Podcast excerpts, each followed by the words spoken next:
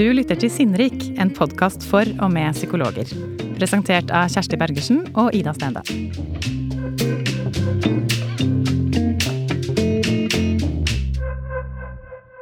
I vår miniserie om krevende terapier har vi kommet til spørsmålet hva gjør vi når det er vanskelig å kjenne empati med pasienten? Empati som er så grunnleggende for det terapeutiske arbeidet. Vi hadde en tanke om at psykologer som jobber med domfelte, mennesker som har utført uforståelige og grufulle handlinger som drap, alvorlig vold og seksualforbrytelser, kan ha noe å lære oss når vi kjenner empatien svikte. Derfor inviterte vi de to psykologspesialistene Tale Bostad og Atle Austad til å hjelpe oss å belyse disse spørsmålene. Når man gjør noe grusomt, så er det akkurat som man mister sin egen menneskelighet. Jeg er et monster. Jeg har gjort noe så grusomt, så jeg fjerna meg fra dere. Jeg er ikke som dere, mennesker. Jeg har gjort noe grusomt, så jeg bare kobler meg fra. Tale er utdannet psykolog ved Universitetet i Oslo. Hun har jobbet med unge med rusproblematikk, på DPS, ved psykoseenhet og på BUP. Siden 2007 har hun jobbet ved fengselspsykiatrisk poliklinikk, hvor hun nå er leder. Hvis man begynner å snakke om kriminaliteten, så kommer antipatien. Ganske kjapt. Mange har lyst til å kaste ut av vinduet. Atle er utdannet psykolog ved Universitetet i Oslo. Han har jobbet med sedelighet og voldsproblematikk ved Institutt for klinisk sexologi og terapi siden 1995, og har fordypning i karakteranalyse.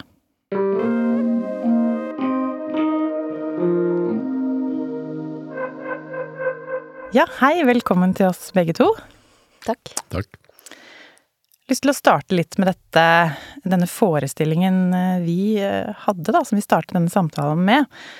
At vår antakelse er jo at denne pasientgruppa som dere jobber med, det er pasienter som mange psykologer kanskje kvier seg litt for å ha i behandling. Og da blir jo jeg nysgjerrig på hva som gjorde at dere begynte å jobbe med denne pasientgruppa. Uh, ja, nei, for meg var det Det var nok litt tilfeldig. Jeg tror ikke jeg hadde ønske om å jobbe med akkurat innsatt, innsatt i fengsler. Uh, det var mer praktisk, egentlig. Det ble en ledig jobb i Oslo sentrum etter jeg hadde pendla mye. Men så har jeg tenkt på at så tilfeldig er det nok heller ikke, for jeg hadde jo ikke søkt på den hvis ikke jeg var nysgjerrig på det. Og jeg hadde med meg noen erfaringer fra å jobbe med rusproblematikk. Pasienter med rusproblematikk. Som jeg tror nok uh, der, der, hadde jeg fått meg noen um, erfaringer, noen spørsmål og en sånn nysgjerrighet jeg hadde lyst til å, å få mer svar på. Um, og også noen veldig fine erfaringer. Så ja, jeg tror litt sånn kombinasjon av litt tilfeldighet, men også nok en, en litt sånn nysgjerrighet i meg på, på, hvordan kan man jobbe med dette. Mm. Mm. Hvordan var det for deg, Atle? Det var veldig tilfeldig. Jeg begynte når jeg gikk på Blindern. To år før jeg var ferdig utdannet psykolog, så skulle jeg skrive om stressmestring hos næringslivsledere. Og var vel av de som satt i kantina og ropte høyest på kastrering og halshogging av overgripere, vet jeg. Så en kompis av meg maste et år på at jeg skulle bli med ned til Tore Langfelt og se liksom, komme litt i kontakt med noen sexologi og overgrepsproblematikk og sånne ting. Jeg var null interessert. Etter et år så ble jeg med etter mas. Og så møtte jeg en gruppe med forskjellige typer overgripere. Det var sånn koterapeut, da. Og så opplevde jeg jo at alle mine på en måte forestillinger og fordommer og alt mulig av hvem de var og hva slags typer det var, ble veldig ja, ble krasj. Sånn at jeg ble veldig forvirra. Uh, plutselig følte jeg empati for disse, jeg syntes synd på dem. Samtidig så syntes jeg det de hadde gjort, er helt grusomt. Sånn at jeg satt uh, var svett. Svett i henda, husker jeg, og jeg gikk vel egentlig mer eller mindre svett i tre uker. Og prøvde å få huet og hale på, på, på denne virkeligheten som jeg hadde bygd opp. Så jeg ble nysgjerrig, Uh, og så ble jeg mer nysgjerrig, og så ble jeg veldig nysgjerrig, og så tenkte jeg skrive litt om blotting, da. Det syns jeg var veldig forunderlige greier. Sånn at jeg skrev hovedoppgave om det. Og så jobba jeg der en dag i uka mens jeg var student, i to år, da, og så bare fortsatte jeg etterpå. Og jobbe med overgrep, og de som begår overgrep, da. Så jeg gjorde det nå i 26 år.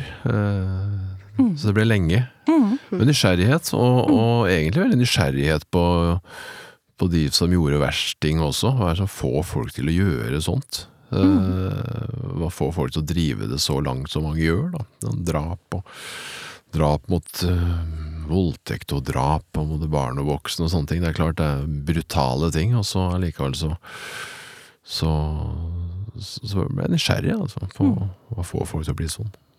Så det er noe med den nysgjerrigheten som, som var litt hos dere begge to, egentlig? På en, ja, på en måte. Mm. Det tror jeg nok. Men også for min del. Altså, jeg, jeg, hadde ikke Jeg hadde jo ingen erfaring med hva som foregikk bak murene. Så jeg hadde egentlig ikke noen knagger, tror jeg heller. Jeg tror ikke jeg egentlig skjønte hva det ville si før jeg begynte. Men en, nysgjerrig på Jeg vet ikke helt hva, men jeg var nysgjerrig på et eller annet. Mm, mm. Det var jeg nok. Så sa du merket med det, Atle, at uh, det var en slags ambivalens der i starten. Altså de hadde gjort grusomme ting, men likevel så begynte du å kjenne på empati for dem. Um, vi startet samtalen med at vi tenkte at her er det vanskelig å kjenne empati, men tok vi kanskje feil? Ja, jeg hadde ingen planer om å kjenne noe empati for dem når jeg starta opp i det, og, så den kom jo mer eller mindre Eller den kom jo uh, eh, kasta inn over en. Altså, veldig mange av de jeg møtte, hadde jo selv vært utsatt for overgrep, for eksempel, og de var barn, og mm, fæle overgrep også, sånn at øh, vanskelig å ikke kjenne empati for den delen av de personene, da. Uh, ikke alle hadde vært utsatt for overgrep, men alle hadde en forferdelig eh, vanskelig og traumatisk bakgrunn, og lite bekreftelse, lite anerkjennelse, ingen hadde kontakt med fedrene sine, det var masse sånn mangeltilstander da, som, som var vanskelig å ikke kjenne empati for, sånn at det kom nok eh, i forgrunnen i forhold til hva de hadde gjort, da. Uh, og det er nok et poeng også, å jobbe med de sidene, egenskapene ved personen som ikke er å gå rett inn i det brutale, fæle, overgrepsaktige de har gjort, men vente med det til man har utvikla en empati for hvem er dere? Det var nok i hvert fall et poeng i de første åra som jeg jobba. Etter hvert så har jeg nok endra på når, hvor raskt jeg går inn i ting, men de første ja, skal vi si, fem–ti åra så, så, var det viktig å, rett og slett få empati. Hvem er du, hva har du opplevd, og hva, hva er det som har fått deg til å bli som du har blitt, da. Mm. Så Kjenner du noe igjen av dette her, Tale? Uh, ja, jeg, jeg, tror igjen Altså, jeg, jeg, jeg, visste ikke hva jeg skulle inn og jobbe med, egentlig. For fengselet er en så lukka verden. Um, og det, det Jeg syns alltid det er så interessant når det kommer nye og jobber hos oss. For da blir jeg påminna om den der prosessen du går gjennom. Fordi før du kommer inn, så tror jeg nok at mange av oss tenker at det, de innsatte, det er noe litt annerledes enn oss. Og når ting er annerledes enn oss, så blir de mer objekt enn subjekt. Og da er det vanskelig egentlig å Jeg tror ikke jeg nødvendigvis kjente sånn moralist Altså, jeg hadde ikke noe sånn moralistisk indignasjon før jeg begynte, men jeg tror heller kanskje ikke jeg hadde så mye empati heller. Altså, jeg, jeg visste ikke hva det innebar, jeg visste ikke hvem de menneskene var, jeg tenkte at det var noe litt annerledes. Og det syns jeg går igjen hos alle som kommer inn, så blir man så overraska over hvor likt og nært det er, og da kommer empatien inn. Altså det menneskelige som dukker opp i møtene mellom to mennesker i et terapirom. Eh, og da kommer jo empatien. Jeg tenker det, det tror jeg ikke har møtt noen hos oss som ikke har Hvor den har blitt koblet på når du faktisk setter deg ned og treffer et annet menneske, og får høre livshistorie, og får høre tanker og ja, håpløshet over seg selv og ja, ting vi kan egentlig aldri relatere oss til, da, på en eller annen måte. Kan det handle om en eller annen slags form for gjenkjennelse også, hos uh, deg selv? Vi har jo alle følelsene intakt eh, i oss, sånn at uh, jeg har nok vært heldig med min bakgrunn, jeg. Altså, sånn at jeg har ikke så veldig mye å henge det på i forhold til dems opplevelser og sånne ting. Men, men, jeg har jo evnen til å, å føle, og, og absolutt også medfølelse med folk som har hatt det forferdelig og kjipt. Så jeg vil nok si at vet, vi kalte vel den der tilnærmingen vår eh, på Institutt for klinisk sexologi og terapi, da, siden vi jobba med overgripere, en litt sånn aktiv empatimetode. Eh, empati rett og slett at vi gikk aktivt inn for å få tak i det som var sårbarheten og det vanskelige, sånn at vi ble på en måte berørt av den empatien først, eh, sånn at vi blir kjent med den på den måten, da. Eh, så, så, så, det var kanskje en nødvendig tilnærming for å i hvert fall mm, fortsette å ha lyst til å jobbe med den problematikken, da. Går det an å si noe mer om hvordan du konkret gjorde det? Ja, det var jo egentlig ganske standard. Spørre om hvordan har du hatt det. Og, og, jeg var jo veldig opptatt av å spørre om relasjonene til fedrene. Jeg har jobba med menn da, som har begått overgrep. Svært få, svært få kvinner. Noen ungdommer, jenter, men, men, men eh, stort sett menn som har kommet med den problematikken. og og allerede der så er det jo lett å, å, kjenne empati, fordi samtlige har jo enten fedre som har svikta, misbrukt dem eller banka dem. Det det er jo en Jeg har til dags dato ikke møtt en eneste som har begått uh, overgrep som egentlig har noe godt forhold til faren sin. Du vet, Mor får jo som regel skylda i psykologien og sånne ting, men fedrene de har jo svikta disse mennene grunnleggende. Så, så, det har i hvert fall vært én tilnærming i forhold til å, det savnet de har hatt der, den følelsen man har som mann, identitet, øh, hvor verdifull man er og ikke verdifull. Veldig mange av disse her har vært ganske ensomme når de vokste opp. Er få venner, det er jo noe som går igjen. og Lett å sette seg inn i øh, hvor, øh, hvor vanskelig og vondt det må ha vært å både ha en far som ikke bryr seg, og, og venner som ikke bryr seg, og, og den ensomhetsfølelsen som veldig, veldig mange har. altså. Så det var aktivt å gå inn og høre om de opplevelsene, rett og slett, altså, som, eh, som da vekker aktiv, empatien i, mm. i, meg som eh, da behandler, altså. Mm. Og hvordan ser du da at dette virker? Altså hva, hva, hvordan opplever pasientene Hva skjer hos eh, pasienten? Det som jo er i hvert fall veldig fint, er jo at de, når, når de begynner å se hva som har gjort at jeg har blitt et uh, fæle menneske som har gjort de gærne tinga. For det er klart, de skjønner jo det at det de har gjort er jo gærent og, og blir sett på som fæl også. Veldig mange ser nok på seg selv som fæl også. Uh, så at det gir litt mening, altså forståelse av hvorfor jeg har blitt sånn og hvorfor jeg har gjort det, uh, det, det, gir jo alltid en eller annen opplevelse av, av i hvert fall en oversikt, forståelse av hvem er jeg, hvorfor er jeg som jeg er, og ikke minst, hva kan jeg gjøre med det? Fordi, fordi det er klart at hvis man skal forstå hvordan skal man endre en, en, en, væremåte, da, eller et problem, så må man i hvert fall vite hva som har skapt dette problemet, og hva som har gjort at jeg føler meg som jeg gjør, og på hvilken måte vil det å føle meg som jeg gjør, føre til at jeg gjør som jeg gjør. Sånn veldig mye overgripere har jo veldig mye skam, vet du. Skam knytta til egen person. Eh, absolutt, og det å jobbe med den, da. Eh, og så skam i forhold til voksne. Særlig de som begår overgrep mot barn, men også, også egentlig de som begår voldtekt, for de er veldig sinte på kvinner, de forventer jo svik.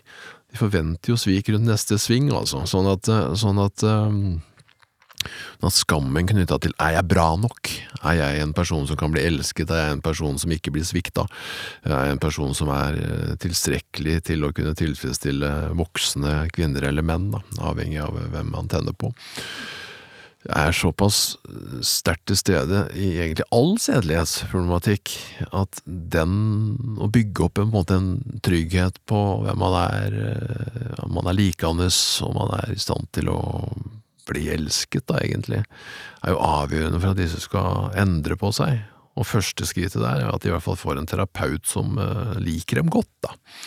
Sånn at de kan føle at de blir uh, ja, sett på som den de har lyst til å bli sett på som, uh, i hvert fall ved terapirom, mm. som en start, da. Mm. Og nå er vi jo litt inne på dette med hva som blir viktig i terapien, i møtet. Hva er dine erfaringer der, Tale? Hva, hva ser du at er viktig for de klientene eller pasientene du jobber med? Oi. øh, ja, jeg syns det, det, er vanskelig ett svar på det. Øh, men jeg, jeg bare lyst til å ta opp igjen altså da jeg lyst til å ta opp igjen litt tema fra i stad. Øh, det her med empati. For jeg, jeg må si at av og til bruker jeg tid for å få koble på min egen empati i rommet.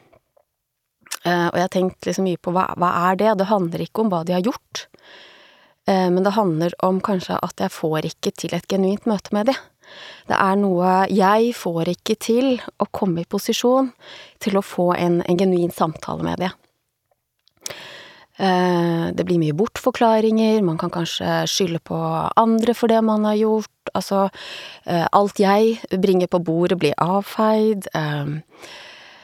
Eh, det, det, blir rett og slett vanskelig å få til en samtale. Jeg får ikke plass i rommet med, med pasienten, da, for min del. Um, og hvis jeg da blir avvist, avfeid, devaluert hele tiden, så skrus ikke min empati seg på umiddelbart. Det gjør den ikke. Um, og det av og til tar det tid. Av og til tar det tid, men jeg må vite om det for å stå i den prosessen. For hvis jeg ikke vet om det, så er det jo veldig fristende å avslutte. Og det er det jo uansett, selv om jeg vet at det, det tar tid av og til. Jeg får lyst til å avslutte.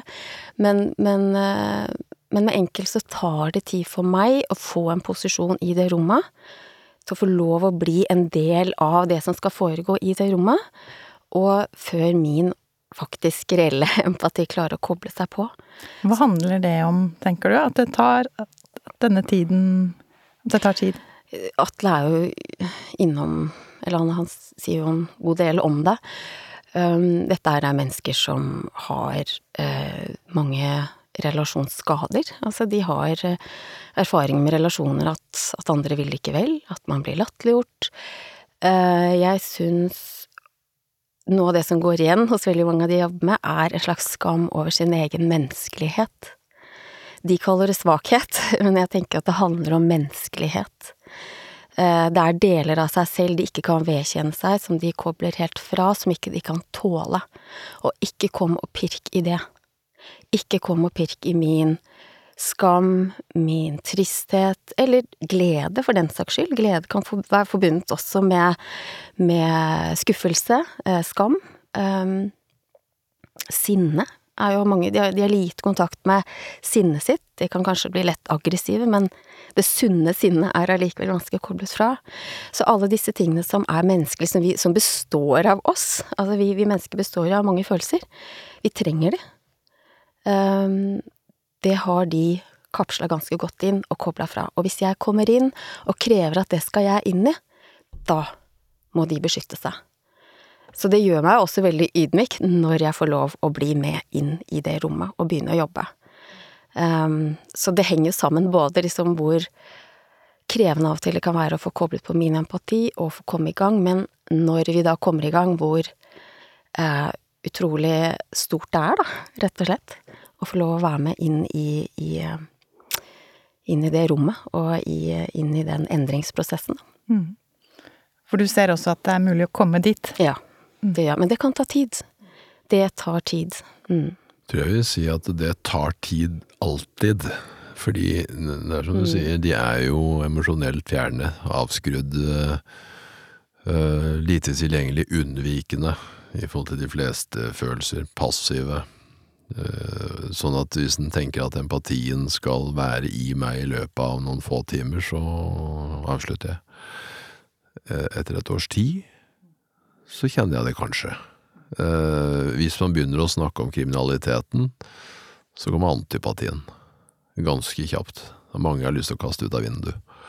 Da må jeg gå i meg sjæl og tenke at nå må jeg kanskje ta det litt med ro. For det er klart, eh, benektningen, unnviken, eh, ja, utsagn, bagatellisering ansvarsfraskrivelser og alt det der, det, det, det ligger jo nesten i, i, de første møtene. Så det er noe med å omgå de og ikke bli med inn i dem, fordi da kommer i hvert fall ikke jeg noen vei med dem. Sånn at det er noe med å orke å vente på å gå inn i konfronteringsfasen, for å si det sånn, med, med det de har gjort og sånne ting. Det, og heller jobbe med å få tak i hvem er du? Og hvem er du bak dette skallet, hvorfor er det så vanskelig i det hele tatt følelse? Det er mange som sier at ja, jeg hører du prøver å få noen følelser her. Det kan du bare glemme. Altså, dette skal ikke bli noe terapi der jeg skal snakke om følelser, altså, da har du tatt feil. Da sier jeg som regel bare sånn at ja, vi får jo se hva som skjer, men du kan jo alltids la være. Men jeg kommer jo til å spørre om det, da. Og de samme personene sitter jo og prater så det renner, og kanskje gråter og alt mulig rart etter et par år. Sånn at det tar jo tid. Mm. Uh, hvis man forventer at empatien, som du sier, mm. kommer tidlig, så så da gir man opp. Mm. Det krever jo noen rammer, da. At man har den eh, tiden. Mm. mm. Ja, det gjør det. Og det uh, Ja, det er forutsetningen. Hvis det skulle være meningsfullt å jobbe med hvis man ikke bare skal lindre sånn, de mest aktive symptomene, men faktisk begynne å jobbe med endring, da. Med, med det som skaper og opprettholder problematikken. Og det er jo så grunnleggende personlige Ja. væremåter, da. Mm. Eh, Trekk, Mm. personligheter, hva man skal kalle det, som, som, som disse har med seg, og som er bygd opp. Sånn at det å bare jobbe kognitivt, for eksempel, med innsikt og sånne programmer, det det er veldig mye bra i de programmene, og de inneholder alt man trenger, men, men det tar jo tid å på en måte komme i kontakt med både seg selv og, og forstå seg selv, og, og ikke minst endre seg selv.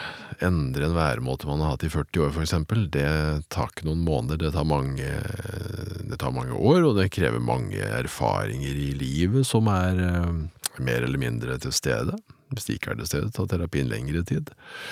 Eh, Er det gode betingelser til stede, så tar det kortere tid, hvis vedkommende klarer å benytte seg av det, eller utnytte det utenfor terapirommet. Sånn at av den grunn så, så pleier jeg i hvert fall å si at en sånn terapi med overgripere, eller de som begår overgrep, eh, tar mellom eh, ja, tre og sju år. Det er min erfaring. Syv år det er lenge, ja, for noen så er det ikke lenge i det hele tatt. Sånn at noen, noen bruker lengre tid også, som er veldig, veldig skada i utgangspunktet. Jeg har lyst til å gå litt inn i det når man kommer dit at man skal begynne endringsarbeidet, og man er, er der, har den, fått den posisjonen. Men først så har jeg lyst til å bare snakke litt mer om hva dere gjør, altså hvordan dere klarer å stå i den første fasen, altså før du liksom kommer dit. For jeg tenker når du er helt fersk psykolog, da, Mm. og skal inn i dette, og ikke har den erfaringen, ikke vet at dette er noe jeg kanskje må stå i en stund. Um, hvordan erfarte dere det, og hvordan har dere kommet dit dere er nå? Det, det det er jo så lett å glemme underveis. Jeg har liksom tenkt litt på det. Og så er vi så heldige at vi har hovedpraksisstudenter hos oss òg. Og det, det hjelper meg å, å huske den her i starten hvordan man eh, Når man ikke kommer noen vei, så tar man det på seg selv. Jeg er en dårlig terapeut. Um, og det, jeg, det kjenner jeg så godt igjen, og det ser jeg går igjen hos de som er hos oss, enten de er ganske nyutdanna eller, eller studenter fortsatt. Um, så veiledning. Uh, åpne dører til kollegaer. Uh, en god kultur for å kunne ta opp uh, i, på møter, behandlingsmøter, eh, gruppeveiledninger, ta opp sin egen utilstrekkelighet, at det ikke blir sånne derre suksesshistorier hele tiden, men at det egentlig det det handler om er å ta opp sine egne motoverføringer, eller hva man skal kalle det. Hva er det som oppstår? Hva er det du sitter og, og opplever i møte med, med pasientene dine? Um, det tenker jeg er regel nummer én for meg. Uh, det å hele tiden ha den kulturen på arbeidsplassen, hvor du går inn til kollegaen din etter en time og jeg kommer ingen vei, jeg føler meg helt udugelig, liksom. Det er, jeg skjønner ikke hva, jeg, hva er det her gjør som ikke jeg får til. Liksom, altså, man, man har den muligheten til å reflektere rundt hva som skjedde i timen. Mm. Ikke hva jeg gjorde feil, men hva er det som skjer i timen. Um, og da også få en mulighet til å forstå, uh, sånn som Atle sier, ikke sant, jeg må, å se mennesket foran deg. Hva er det han holder på med, eller hun holder på med? Eh, hvorfor devaluerer han deg, hvorfor avviser han deg, hvorfor eh, bare alt det du sier blir latterliggjort, hva er det som skjer i timen? Um, og, og vi er så heldige at vi får ekstern veiledning nå, vi har hatt det de siste årene, fra um, Nancy McWilliams. Um, og der har jeg fått lov å ta opp sånne saker hvor jeg, jeg bare sitter og opplever egentlig at det er et monster jeg har i timen. Jeg klarer ikke å like han. Han, ikke sant, du bare får masse reaksjoner på det. Uh, og hvor du, hvor du klarer å, gjennom en god kasusformulering, da, klarer å sy sammen og se mennesket og subjektet, da. At ikke det bare blir det her objektet um, foran deg, men at du ser hva han holder på med. Hvorfor trenger han å beskytte seg? Da kan jeg holde ut. Mm. Da kan jeg holde ut. Men det er en eh, kunns, altså kunnskap og gode kollegaer er eh, eh, nøkkelen, tenker jeg, da, for å holde ut den prosessen for meg. Mm. I starten, jeg vil si de første åra, så var vi et godt miljø eh, som jobba med det her. Vi var mange, og vi var ganske mange nyutdanna også, som var veldig engasjerte, entusiastiske og, og nysgjerrige. Så vi hadde et bra miljø på fem-seks stykker, som, og så hadde vi den gangen så hadde vi jo Tor Langfeldt. Han var faktisk en innmari god veileder og, og lærte oss masse om disse prosessene som handla om eh, både empati og forståelse av eh, tematikken. Tror nok det var Jeg tror ikke. Det var helt avgjørende for å lære mye og, og orke å stå i det. Etter hvert så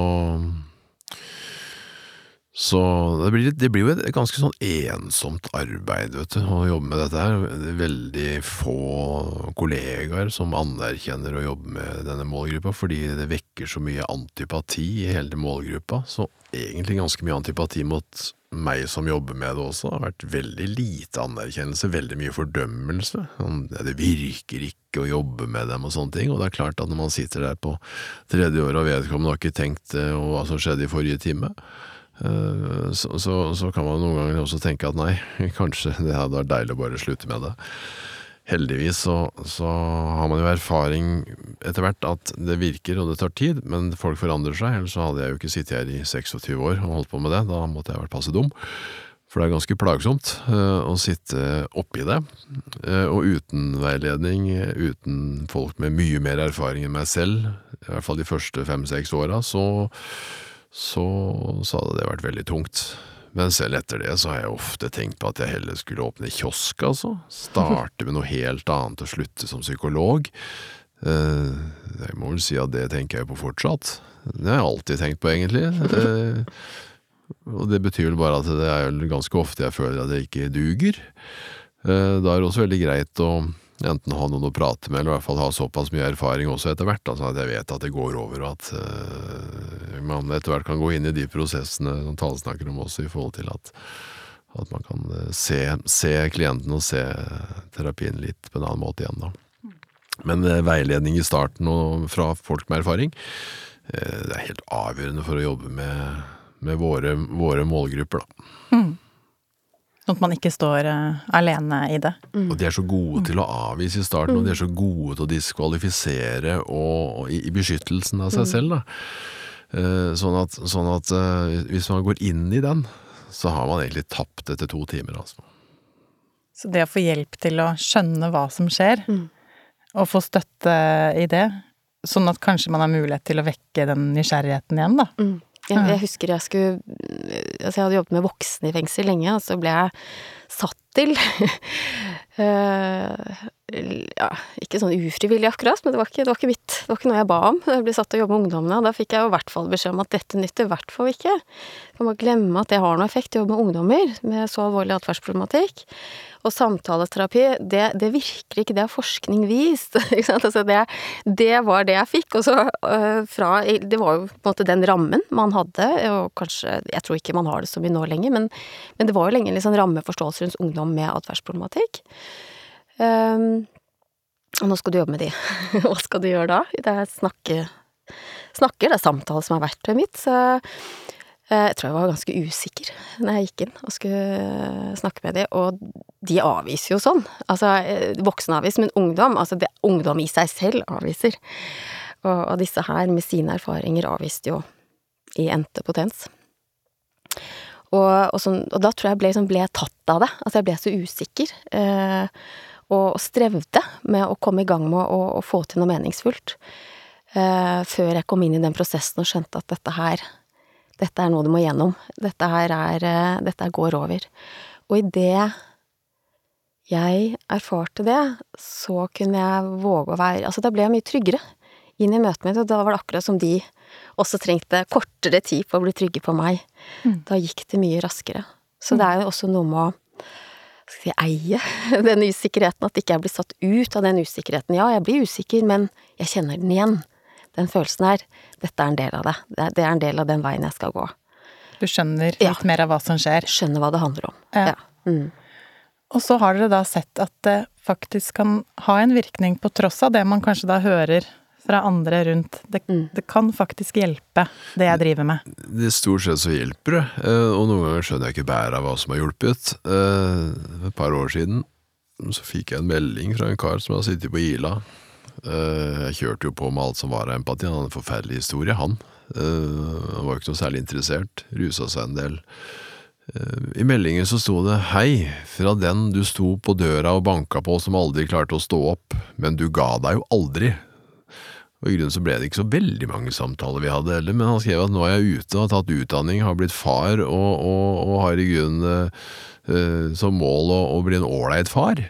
Uh, og takka fælt for kontakten. Jeg skjønte ikke bæret av hva som egentlig var så bra med det, men jeg tror det var nettopp den kontakten, og det å ikke gi seg, og det å være engasjert og nysgjerrig. Han fikk jo kjent på litt følelser også. Han hata jo å vise det, men han kjente det jo. Så noe har han fått med seg. Uh, og, og, og, det er jo også noe som forteller meg i hvert fall om verdien av relasjon. Uh, verdien av det vi kanskje ikke helt har oversikt over i, i den terapien som man driver. Da. Det er jo ikke bare innholdet, det er ikke bare det vi snakker om og de skal forstå, men den der kontakten og den der opplevelsen av ekthet, åpenhet, gjensidighet, uh, respekt. Alle disse tingene som veldig mange av disse savner grunnleggende i sitt liv, da. Så jeg har nå kommet til at det virker i seg selv, og for mange, i hvert fall som begår overgrep, så har de ikke engang lyst til å begå overgrep, nettopp fordi de har fått en erfaring på at uh, at, at, at, de har ikke lyst til å gjøre det i forhold til terapeuten, nesten. Altså, for at de har fått en relasjon som de respekterer, og så respekterer de seg selv bedre, og så tenker de seg om. Og så setter de seg inn i de som plages av det, og knytter det til sin egen plagsomme barndom, sånn at de får den empatien, da. Det er det som i stor grad er grunnen til at de slutter å forgripe seg, at de begynner å få empati fordi de utsetter for overgrep. De har ikke hatt empati for seg selv tidligere heller, men idet de får det, så kan de også sette seg inn i andres lidelse. For vi klarer jo ikke å sette oss inn i andres lidelse hvis vi har stengt igjen på vår egen. For å klare å kjenne empati for andre, så må vi kjenne empati for oss selv. Eh, vi klarer ikke å identifisere sinne hvis ikke vi forholder oss til sinne, eller, eller tristhet. Vi gråter ikke, vi liker ikke gråt og tristhet i terapien hvis vi forakter det selv. Sånn er det med empati også. sånn at eh, når disse da utvikler det, så skal det veldig, veldig mye mer til å utsette andre for den lidelsen som de nå i hvert fall da er klar over, ikke bare i hodet, sånn som de har vært før. At de vet det er forbudt, men de kjenner den der eh, smerten der og på en måte blir utsatt for svik og overgrep og sånne ting. Så det er jo terapiprosessen.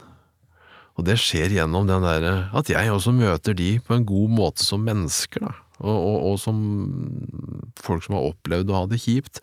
Og at de kjenner at det der, eh, det der er verdifullt å måtte forholde seg til. Så utvikles empatien, da.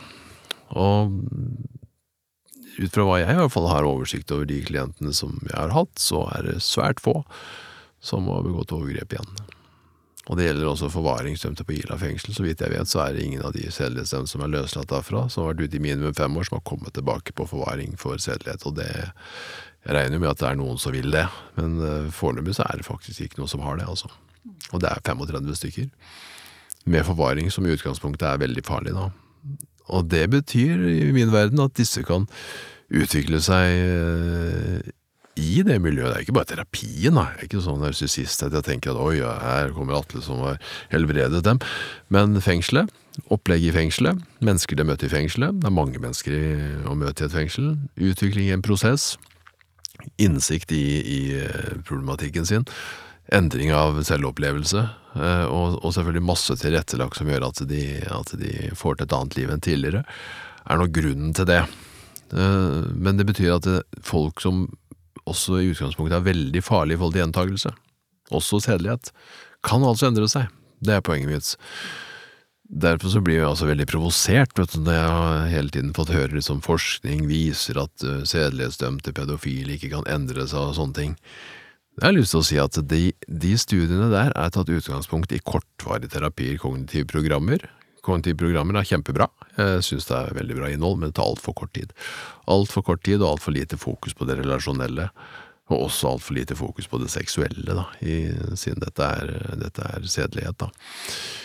Eh, så tids… Eh, hvis ikke de får tid og muligheten til å utvikle seg og gå i terapi også når de kommer ut, Altså når de kommer ut igjen i verden, så klarer nok veldig mange å ikke å nyttiggjøre seg den innsikten de har fått. Derfor er det viktig å på en måte være sammen med dem når de også utvikler seg ut i verden igjen etter soning, eksempel. Mm. At det ikke bare er en innsikt man får når man sitter inne, men at man også får den hjelpen. Og blir fulgt når man kommer eh, ut videre, da. Mm. Så Og dette med at, at, empatien kan utvikles i relasjonen, men, men Si litt om hvordan du ja. opplever disse prosessene, Tale. Ja. Eh, ja. Eh, jeg tenker eh, et begrep som jeg har blitt veldig opptatt av, som jeg syns er veldig fint, inspirert av en kollega av meg, Runa Velund. Um, det er selvtilgivelse. Uh, og det betyr ikke bagatellisering av det man har gjort. Altså For å tilgi seg selv, så må du først ha ansvar for det du har gjort. Du kan ikke tilgi noe du ikke har vedkjent deg å ha gjort. Uh, og det har man faktisk en del studier som viser at det det er en genuin selvtilgivelse. At man først orker å ta inn over seg hva man har gjort, den skaden man har påført andre, uh, alvoret i det man har gjort, og gå inn i det, og hvor ubehagelig er ikke det? Det vet jeg jo selv, når jeg har gjort noe dumt som jeg skammer over. Jeg har bare lyst til å dytte det unna, sant. Jeg har ikke lyst til å tenke på det, jeg har lyst til å bare gå videre. Eh, men, men det er faktisk å gå inn i det, og ta ansvar for det, og så kunne se på selv hvordan ble det sånn for meg? Hvordan, altså en empati for seg selv, rett og slett. Ikke at man skal unnskylde det, men hvordan kom jeg dit at jeg kunne gjøre noe sånt? Eh, og så komme til en slags, hva skal jeg si, lukning av det, da. At det jeg har gjort, det var galt, det skal jeg ta mitt, mitt ansvar for. Og så må jeg kunne se på meg selv som et menneske og ikke som et monster, hvis jeg skal kunne fortsette å leve som et anstendig menneske. Uh, og det, det Runa Velund, hun skrev jo en hovedoppgaven sin faktisk for studiet, hvor hun dybdeintervjua uh, innsatte på Ila om nettopp dette. Um, og, og, og, i den oppgaven, det er en fantastisk spennende oppgave, um, så er det jo nettopp det hvordan man uh, Hva skal jeg si um, Når man gjør noe grusomt, så er det akkurat som man mister sin egen menneskelighet. Jeg er et monster. Jeg har gjort noe så grusomt, så jeg fjerna meg fra dere. Jeg er ikke som dere, mennesker. Jeg har gjort noe grusomt, så jeg bare kobler meg fra. For å koble seg på igjen, så må man ta ansvar. Og så må man eh, jobbe med det begrepet selvtilgivelse da, i terapi er jo effektfullt. Og da ser man også at hvis det er en genuin selvtilgivelse, så øker empatien for andre etter en sånn prosess. Hvis det er en øh, ikke-genuin selvtilgivelse, at man bare sier at ja, jeg angrer, jeg angrer, uh, men det var, egentlig, det var egentlig ikke min feil, for det var, ikke sant, altså hvis man begynner med den bortforklaringen, eksternaliseringen, så blir det ikke en ekte selvtilgivelse. Da er man bare inne i det samme gamle mønsteret det ser man, det har ikke noe effekt. Altså tvert imot, nesten, kan man se som tendens motsatt. Sånn at hele den prosessen der, gå inn og ta ansvar, og så jobbe med empati for seg selv, det Og når man sitter med mennesker som genuint jobber med det, det er umulig å ikke kjenne empati med det, som terapeut òg. Um, Men som um, terapeut, hvordan, hvordan, kommer du Hvordan får du i gang den prosessen der, eh, oh. sammen med pasienten? Åh, ja, nå skal jeg si noe veldig sånn floskelaktig, men jeg spiller piano litt. og når jeg begynner med et nytt stykke, så klarer jeg ikke å vite åssen den melodien skal bli. Det er bare masse noter. Og så spiller jeg og spiller jeg, så til slutt blir det en melodi, da. Når man har øvd nok. Jeg syns hver terapi er litt sånn. At jeg har ikke noe svar på egentlig helt hva som foregår, men man begynner å snakke sammen, så får du noen deler, og så etter hvert, liksom når du snakker mer og mer, så blir det en meningsfull helhet, da. Um, så jeg, jeg, har, jeg, har, ikke noe godt svar på liksom akkurat hvordan det skjer, men, men, det er jo den tiden. Og min nysgjerrighet. Jeg må hele tiden være kobla på, og ikke forsvinne inn i de konkrete tingene, men hele tiden løfte det opp. Ok, ja, når du, tenker, når du sier det, tenker du sånn om alt, da, eller liksom, hva tenker du selv om at ikke du føler noe, eller hva tenker du selv om at du, det er alltid andres feil, eller hvordan blir det sånn, tror du, hvordan skal du klare da å, å ta ansvar hvis det alltid er andres, andres feil, altså du, du må hele tiden ha den metarefleksjonen, da. Eh, kanskje at det er det jeg egentlig jeg holder på med, hele tiden å løfte det ut av de der konkrete innhold, for det syns jeg kanskje kan bli litt kjedelig hvis vi blir stående fast i det. Mm. Men liksom hele tiden for, forsøkt å løfte det opp til at vi kan se på sammen, da. Hva er det som foregår? Og så kanskje da i kombinasjon med det du sa, Atle, at det faktisk handler om også at du er en person som ikke gir deg. Altså at, å ikke gi seg. Du er ja. der. Og, og det, tåler. Ja. Og, og denne tåler, kontakten. Og, og, så vet noe om en utviklingsprosess også. Og, det formidles jo det. Eh, håp. Håp og tro. Jeg tenker det er noe av de viktigste terapeutiske faktorene vi kan ha, og det må vi som terapeuter ha hvis vi skal få til noe som helst. Eh, men jeg tenker også det å, det å få Jeg liker å tenke at folk må forholde seg. Forholde seg til seg selv, og forholde seg til det man gjør. Uh, tror jeg kanskje definerer sånn terapien etter hvert at gi masse skam Påføre masse skam på det de gjør, og ta bort skam på hvem de er. Det syns jeg er litt sånn bilde på det. Man skal jo eie en skam i livet når man påfører noen ubehag og, og skader, og den vil jeg gjerne øke. Eh, Det, det, det sperrer litt, altså. Det forhindrer at man bare gjør det sånn eh, u, u, ukritisk, eller at man ikke forholder seg, og så ta bort den personlige skammen som handler om å, å være et bra, verdig menneske, da. Som, eh, sånn at man får mindre lyst til å påføre andre plager også. For det er klart, hvis man er sint på hele verden, og alle er urettferdige og jeg er et offer, så koster det mye mindre å påføre andre lidelse også. Jeg tenker litt sånn mot, mot slutten her nå, så, så blir jo jeg litt sånn nysgjerrig på Tenker dere at det er noen personlige egenskaper hos terapeuten som er særlig viktig når man jobber med akkurat denne gruppa? Er det liksom noen terapeuter som egner seg bedre, som får til dette bedre enn andre? Så jeg jobber med det i 26 år, så vil jeg si at det må være fantastiske egenskaper. men, men så er det nok ikke det, da. Eh, Jeg sa tro og håp er helt nødvendig. Altså, du kan si Det er jo ikke personlig egenskap, men optimisme, da. Jeg har ofte blitt kalt for eh, vanvittig optimist, så jeg har alltid fått de verste klientene egentlig som har kommet, og egentlig så, så syns jeg optimismen stort sett, ikke alltid selvsagt, men stort sett har vært eh, berettiget. Eh, Det vil si at det er stor tro og stor håp, og det merker de som møter meg. Eh, må ha litt mot til å gå inn i det og orke å forholde seg til det ubehagelige. Jeg har jo selv hatt eh, barn i alle de aldrene som eh, de som har forgrepet seg på, har forgrepet seg på. Da. Altså, jeg har jo syv barn, sånn at jeg har liksom hele tiden hatt barn i, i den aktuelle alderen. Og det er spørsmålet kan man jobbe med det, det er ikke alt som orker. Det skjønner jeg innmari godt. Jeg har klart å atskille det, jeg har ikke en eneste gang satt mine egne barn inn i en situasjon som er knytta til det de har gjort. Det tror jeg er viktig, at man ikke blander eh, eget liv med, med terapeutrollen, for da tror jeg man sliter fort. Og det er en utfordring for mange. Eh, det kan man kanskje få hjelp til, eller, eller at man ikke skal jobbe med det. Eh, For det er jo sånn at noen kanskje ikke har så godt av å jobbe med det heller. Man blir smitta av dette her. Blir smitta av, av disse personlighetene, disse kroppene, eh, på en måte som gjør at jeg tenker man må ha en bevissthet rundt hvordan, hvordan blir jeg påvirka kroppslig. Eh, I perioder så har jeg vært så sliten at jeg nesten dør, og så tenker jeg ok, nå tar jeg altfor mye inn, så jeg må finne måter å avgrense meg litt på, sånn fysisk, hvordan jeg møter dem, hvordan jeg sitter, hvordan jeg tar dem inn, hvordan jeg beskytter meg, da. Så bevissthet på det er nødvendig også.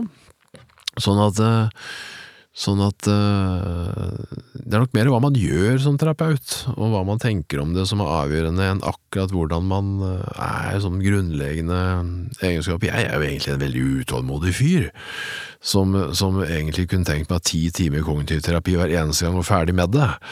Sånn at jeg sitter her i årevis med noen, det er jo ikke min personlighet.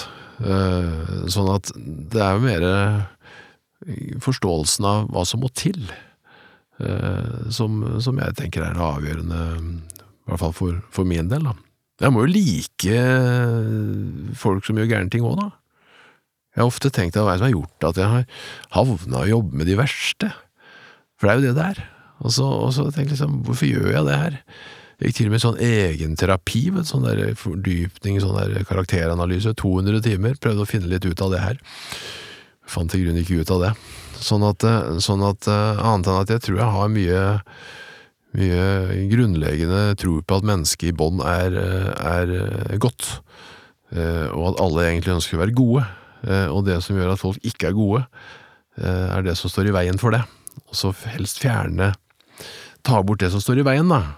Så den grunnleggende følelsen at å få fram det gode i, i, i alle jeg møter, er nok drivkraften. Og det er litt hyggelig. Det er så hyggelig å jobbe for det.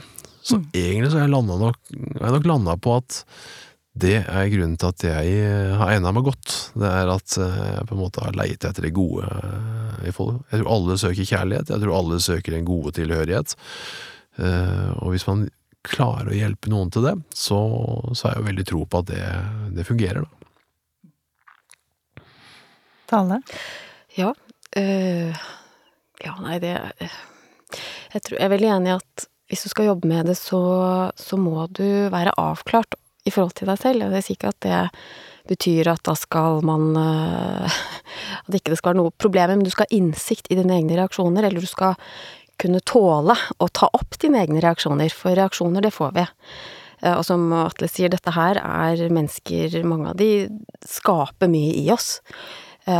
Typisk enten sånn grovkategorisert at man overidentifiserer seg med de. Går inn i en sånn identifikasjon, eller man kan reagere med avsky, moralistisk indignasjon. Det er veldig sånn typisk, og der, står jeg hele tiden og vingler. Uh, det gjør vi nok, men vi henter oss inn igjen fordi vi reflekterer rundt det og diskuterer og, og, plukker opp faresignalene. Det er forutsetningen. Hvis du ikke gjør det, hvis ikke du vedkjenner deg de reaksjonene, da tenker jeg at eh, da blir det litt mer problematisk.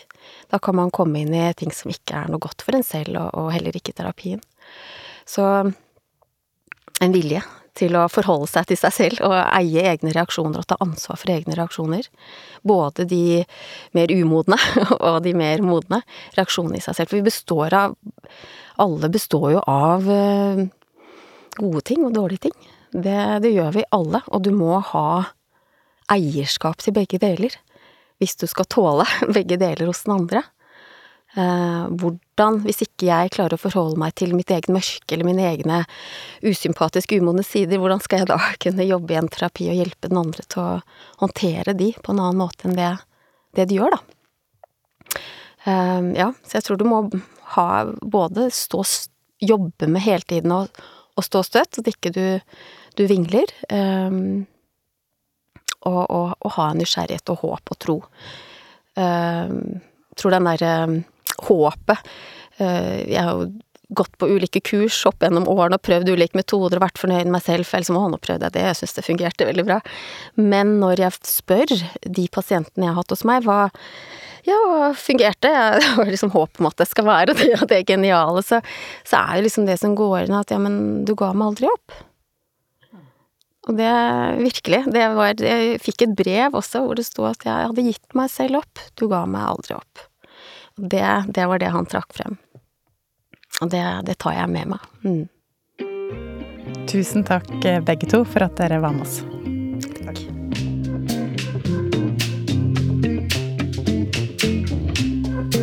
Du har lyttet til Sinnrik, en podkast fra Gyllendal Psykologi. Produsent var Sunniva Glessing. Musikk var ved Johannes Amble. Og jeg heter Ida Stendal. Følg oss gjerne på Instagram, Sinnrik podkast. Her finner du mer info, artikler som ble nevnt i denne episoden, og tips til videre lesning. I neste episode skal vi snakke om de sterke følelsene. Hva gjør du når pasienten blir sint og aggressiv og konfronterer deg som terapeut?